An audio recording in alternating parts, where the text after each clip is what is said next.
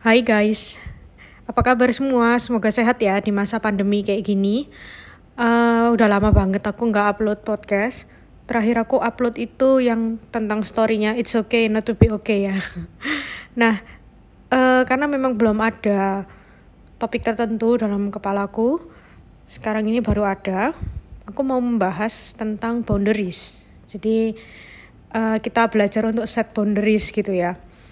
Nah, mungkin banyak yang udah dengar istilah set boundaries ini itu adalah menciptakan batasan gitu. Tapi bukan berarti kita jadi orang yang cuman bisa bergaul sama kelompok tertentu aja.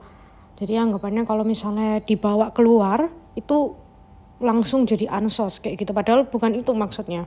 Tapi kita harus tetap bisa berkomunikasi atau berinteraksi dengan orang lain. Nah, uh, gimana caranya nih? Kan kita boundaries itu diibaratkan kayak pagar gimana caranya kita hidup di dalam pagar dalam tanda kutip tapi kita masih tetap bisa nih jalan-jalan keluar.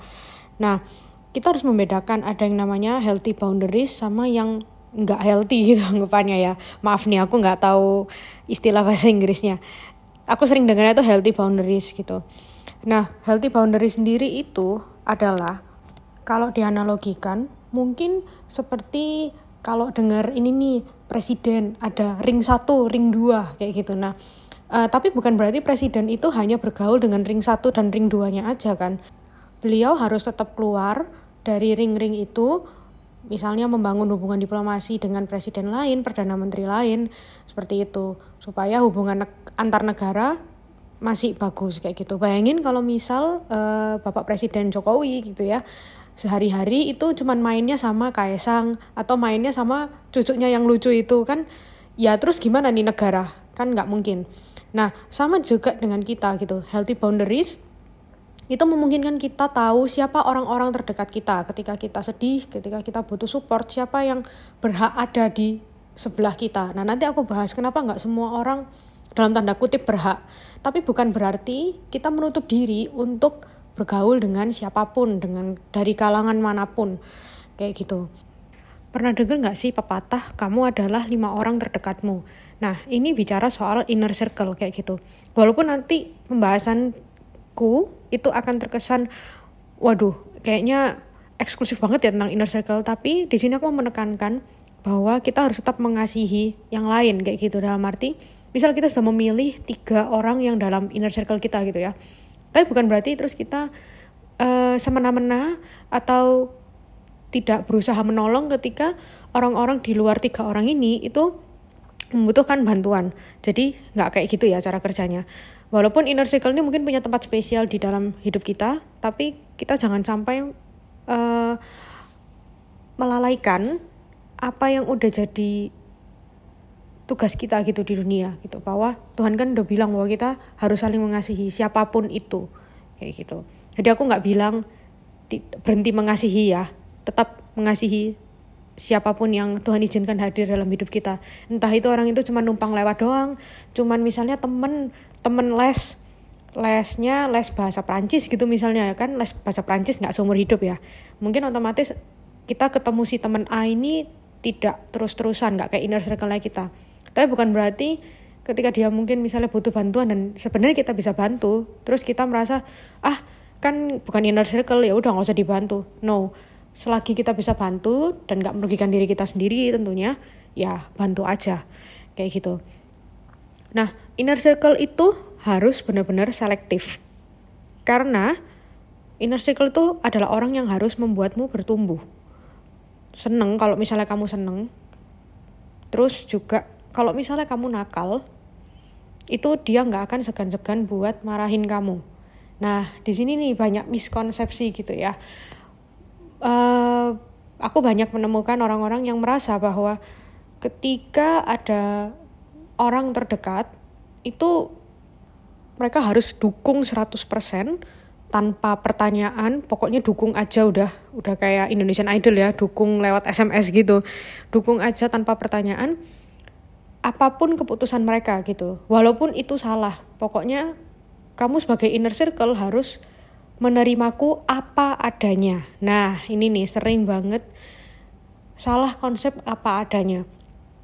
Nah, menurutku pribadi ya, mungkin setiap orang punya definisi inner circle sendiri tapi karena ini podcastku jadi ya aku mau mengutarakan apa yang aku rasa dong nggak ada yang bercanda kalau misalnya ada yang mau didiskusin sama aku boleh banget jadi kalau menurutku nih ya orang yang membuatmu bertumbuh itu adalah orang yang berani marahin kamu ketika kamu salah gitu. Nah salah benar ini juga kadang kan abu-abu gitu ya. Menurut orang lain salah menurutku benar. Dan sebaliknya sering kayak gitu. Ini yang penting banget kita harus tahu dulu value-nya kita itu apa. Value apa yang kita pegang? Misal ini analogi aja ya uh, misal aku ini seorang yang suka uh, pemabuk gitu misal. Menurutku mabuk itu wajar. Pulang subuh itu wajar. Terus kalau misalnya aku bangun siang itu wajar. Itu nilai-nilai yang aku pegang value yang aku pegang. Nah uh, value ini aku bawa untuk mencari inner circle ceritanya ya terus ketemu dengan orang yang berlawanan sekali value-nya sama aku. Orang A ini beranggapan bahwa bangun siang itu nggak sehat minum-minum itu nggak sehat. Pokoknya semuanya bertabrakan banget deh value-value-nya. Nah apakah orang-orang yang bertabrakan value ini bisa jadi teman dekat? Mungkin bisa tapi menurutku sangat-sangat sulit kayak gitu karena yang harus dikompromikan sangat banyak. Mereka uh, beda value sekali kayak gitu. Nah uh, tapi bukan berarti mereka nggak bisa jadi teman ya. Jadi si antara si teman si aku yang sebagai pemabuk dan teman A yang menurut dia mabuk itu nggak benar. Nah itu bukan berarti nggak nggak bisa jadi teman biasa yang mungkin bisa nongkrong nongkrong bareng atau mungkin sekedar say hi. Ya pokoknya menjalin hubungan teman biasa lah. Itu bukan berarti nggak bisa. Ya tetap bisa bisa aja. Tapi untuk inner circle buat aku sendiri aku ngerasa kalau punya inner circle yang kayak gitu kayaknya bakal risih gitu ya. Wah ini orang nggak sevalue kayak gitu. Nanti seumur hidup aku bakal diomel-omelin dong. Nah sama juga dengan dia mungkin. Merasa wah kayaknya orang ini nggak nggak satu nilai sama aku. Jadi mending jadi teman aja kayak gitu. Nah, hal-hal seperti ini sebenarnya terseleksi secara natural gitu ya. Nggak perlu susah-susah kalau bertabrakannya sangat sangat-sangat belang kayak gitu. Misalnya yang satu pemabuk, yang satu enggak tadi kayak contohku. Itu udah natural, pasti udah nggak akan bisa deket. Nggak usah dipaksa-paksain juga nggak akan jadi inner circle. Pentingnya juga satu value adalah kalian sama-sama punya uh, nilai yang tahu bahwa oh ini yang benar. Jadi ketika kita salah dan teman kita mengingatkan, kita nggak akan dendam ke dia gitu. Kita tahu bahwa dia benar dan kita sedang hilaf gitu ya. Dan kita akan bersyukur dengan kehadirannya karena dia mengingatkan kita tentang value yang benar itu seperti apa gitu. Jadi banyak kan ya maksudnya kita menemukan temen yang maksudnya mungkin baik mengingatkan tapi ujung-ujungnya malah jadi berantem terus jadi dendam kayak gitu. Nah itu menurutku terjadi karena sebenarnya dua orang ini tidak sevalue mungkin. Jadi untuk merimain itu bakal kayak lah menurutku ini yang bener kok kok kamu siapa? Me, mencampuri nilai yang aku pegang. Makanya dia merasa kayak oke okay, kamu udah kelewat batas nih kayak gitu. Nah tapi kalau inner circle menurutku adalah orang yang memang kita tempatkan secara sengaja untuk melewati batas kayak gitu. Jadi ketika kita biasanya nih kalau misalnya salah kita sedang berbuat salah kita tuh secara otomatis memasang boundaries juga ke inner circle kita. Aku pernah nih soalnya. Jadi ketika aku melakukan sebuah kesalahan sadar atau nggak sadar aku juga menjarak dari teman-temanku yang ku anggap sebagai inner circle. Karena apa? Karena aku takut dimarahin kayak gitu dalam tanda kutip. Dilurusin dibenerin. Karena aku tahu itu bakal uh, menyakiti egoku. Tapi kan yang aku lakukan salah kayak gitu. Ya puji Tuhannya mereka tetap mengingatkan sih tetap marahin aku kayak gitu. Jadi akhirnya aku uh, kenceng lagi balik lagi normal. Lalu yang kedua adalah apakah orang ini dan diri kita sendiri itu bisa saling menajamkan. Nah di sini aku tidak bicara tentang imbalan gitu ya. Loh dia kasih aku 50 ya udah aku kasih aku kasih dia 50 aja no. Kalau ngomong soal memberi ya kita harus memberi semaksimal mungkin sebisa kita se semampu kita gitu. Kalau memang mampunya segini ya jangan dipaksain lebih dari itu. Nah, itu namanya nyakitin diri sendiri, itu namanya nggak sayang sama diri sendiri. Nah, tapi di sini itu melatih diri untuk nggak cuma terima apa yang dari dia aja. Misal menerima kebaikannya, menerima waktu luangnya dia buat kamu, kayak gitu. Padahal sebenarnya kita juga nggak pernah ngeluangin waktu buat dia. Tapi dia mungkin bela-belain ngeluangin waktu buat kita. Nah, itu kan kita sebenarnya hanya sebagai penerima aja. Tapi di sini inner circle itu juga membuat kita itu terpacu untuk belajar. Gimana caranya untuk memberi? Jadi pribadi yang reliable. Jadi teman-teman inner circle kita ini juga akan merasa ditajamkan dengan kehadirannya kita. Bukan berarti juga kita harus jadi sempurna dulu jadi orang yang sangat-sangat hebat untuk bisa punya inner circle. Enggak. Inner circle itu juga teman belajar bareng gitu. Kalau memang nanti ada yang keliru temen ngingetin. Kalau temennya keliru ya kita yang ngingetin. Seperti itu. Tapi itu kan namanya proses menajamkan. Jadi nggak perlu nunggu nggak perlu minder diri ah aku belum sempurna. Aku nggak pantas lah jadi temennya. Nanti malah jadi beban lagi. Nggak nggak gitu ceritanya. Jadi selama kita termotivasi untuk selalu mengembangkan diri mengasah diri refleksi diri itu yang paling penting kita selalu ngaca selalu lihat apa ya yang kurang dari diriku gitu. Yang ini di sini aku juga bukan bilang kayak jadi minder bukan itu. Tapi menurutku hidup itu adalah proses belajar. Selama kita masih dikasih kesempatan untuk nafas itu adalah proses belajar. Kalau misalnya kita berhenti untuk belajar ya kita akan jadi orang yang nggak bertumbuh. Ya kita nggak bisa nggak bisa menajamkan diri nggak bisa menajamkan orang lain juga. Seperti itu. Nah yang ketiga adalah bangun relasi. Inner circle itu nggak bisa datang puff gitu. Kayak kita minta dari langit, Tuhan aku mau teman yang pantas jadi inner circleku. Lalu twing datang orangnya. Mungkin ada sekarang ada orangnya di sekitar kalian, tapi kita nggak banyak bangun relasi sama dia misal. Bangun relasi itu dalam arti ya kita meluangkan banyak waktu, sekedar uh, cerita-cerita, terus mungkin kalau misalnya sekarang pandemi kita nggak bisa banyak-banyak keluar gitu ya. Ya sekedar video call atau mungkin chatting-chatting. Kamu mau tahu kehidupannya dia seperti apa dia juga mau gitu. Terus uh, kalau misalnya kita tidak membangun relasi misalnya nih kita tahu bahwa ada satu teman yang menurut kita wah orang ini cocok nih jadi temanku. Dia baik dia bisa nih ngingetin aku value-value-nya bagus ya tapi kita nggak pernah bangun relasi sama dia. Ya nggak akan bisa deket kayak gitu. Ada harga yang harus dibayar. Ya contohnya ya mungkin nggak harus dalam bentuk uang gitu ya. Tapi ya kita meluangkan waktu itu menurutku adalah harga yang harus dibayar. Seperti itu. Nah terus gimana dong dengan yang tidak sefrekuensi?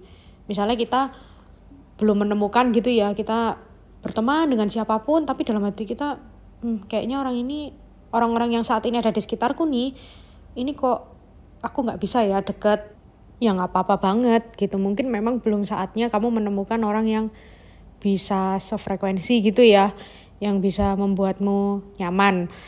Take your time sambil dibawa dalam doa gitu. Nanti aku yakin sih Tuhan pasti tuntun ke orang-orang yang benar yang bisa mengingatkanmu yang bisa membuatmu bertumbuh. Ya kayak yang tadi aku bilang inner circle harusnya seperti apa Nah, balik lagi nih soal healthy boundaries yang tadi aku singgung-singgung di awal. Dulu aku adalah orang yang nggak punya healthy boundaries. Kenapa sulit banget ya waktu itu dulu aku punya batasan? Karena aku tuh orangnya nggak bisa nolak. Uh, sungkan buat nolak, jadi yes man gitu deh. Berusaha jadi pizza buat semua orang, menyenangkan semua orang.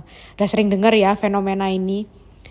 Nah, setelah aku baca-baca juga merenungkan juga ternyata orang yang nggak bisa nolak mungkin terkesan di luar tuh kayak orang yang fleksibel. Dulu aku bangga loh aku nggak bisa nolak. Aku merasa bahwa diriku ini uh, fleksibel bisa masuk ke mana pun. Nah tapi ternyata itu adalah hal yang buruk. Kenapa sih bisa terjadi takut uh, untuk menolak? Karena dalam diriku jauh di dalam diriku aku itu takut buat ditolak merasa bahwa ketika aku tidak menolak orang lain, aku berharap, ekspektasiku nih, aku tidak ditolak orang lain. Padahal kan nggak kayak gitu cara kerjanya. Mau aku iya-iya aja, tetap menjadi yes man, aku akan tetap mengalami penolakan. Dan itu wajar banget.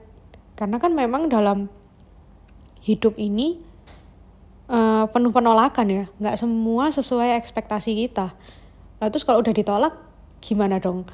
Ya ditolak dalam hal uh, misalnya percintaan misal, terus misalnya kita melamar kerja terus tidak diterima, atau mungkin kita datang ke sebuah komunitas dan kayaknya komunitas itu tidak menerima kita ya banyak lah ya wujud penolakan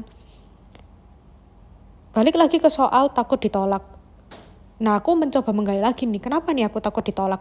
Karena ada punya pengalaman di masa kecil. Nah ini childhood ini balik lagi nih. Itu tuh penting banget ya. Akar dari permasalahan kita tuh kebanyakan tuh di childhood. Itu harus dibereskan. Apa yang membuat kita takut buat ditolak nah kayaknya kalau misalnya aku bahas tentang diriku sendiri kenapa takut ditolak? Bakal jadi panjang nih nggak jadi ngomong boundaries.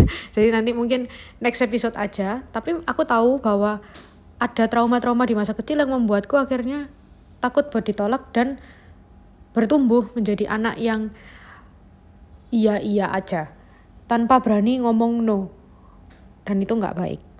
Salah satu counter attack cie counter attack lagi maksudnya ketika aku kembali ke diriku yang takut untuk ditolak masih kembali loh kadang. Nah aku melawannya dengan satu kalimat gitu ya bahwa berat, bukan berarti ketika kita ditolak kita itu jelek tidak pantas tidak berharga.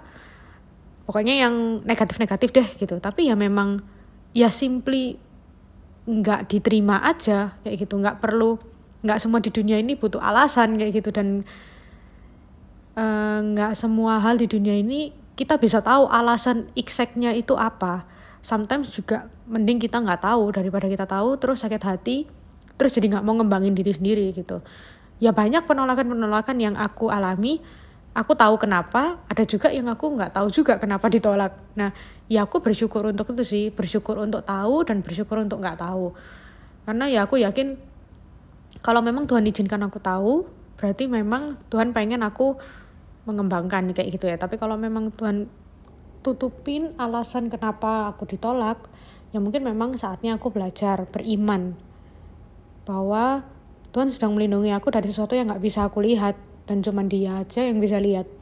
Ya itu anggapannya kalau kita bilang misteri ilahi gitu ya. Nah segitu aja nih podcast hari ini. Wah kayaknya pendek ya ini 18 menit. Biasanya 20 menit lebih. Aku berharap semoga topik yang hari ini bisa membuat kalian yang mendengarkan nggak bingung lagi gitu. Kenapa ya? Kok kadang-kadang aku nih capek kalau misalnya berteman sama orang lain. Ya sebenarnya bukan introvert juga tapi mungkin berkumpul atau menghabiskan banyak waktu dengan orang yang dalam tanda kutip salah. Again, aku ingatkan di sini, salah bukan berarti orang-orang yang jahat, yang tidak pantas menerima kebaikan, bukan itu. Tapi simple as ya nggak sefrekuensi aja gitu. Memang kita harus akui ada banyak orang yang uh, drain your energy gitu. Dan itu tidak seharusnya ada di inner circle ya jadi teman biasa aja nah semoga podcast ini membantu gitu mana orang-orang yang pantas dalam inner circle kita mana yang enggak sehingga ketika nanti kita misalnya lagi butuh support dukungan kita tuh berlari ke ya tetap ke Tuhan dong jelas tapi juga ke orang yang tepat terima kasih untuk yang sudah mau mendengarkan podcast ini Semoga sehat-sehat terus ya di masa pandemi ini. Bye.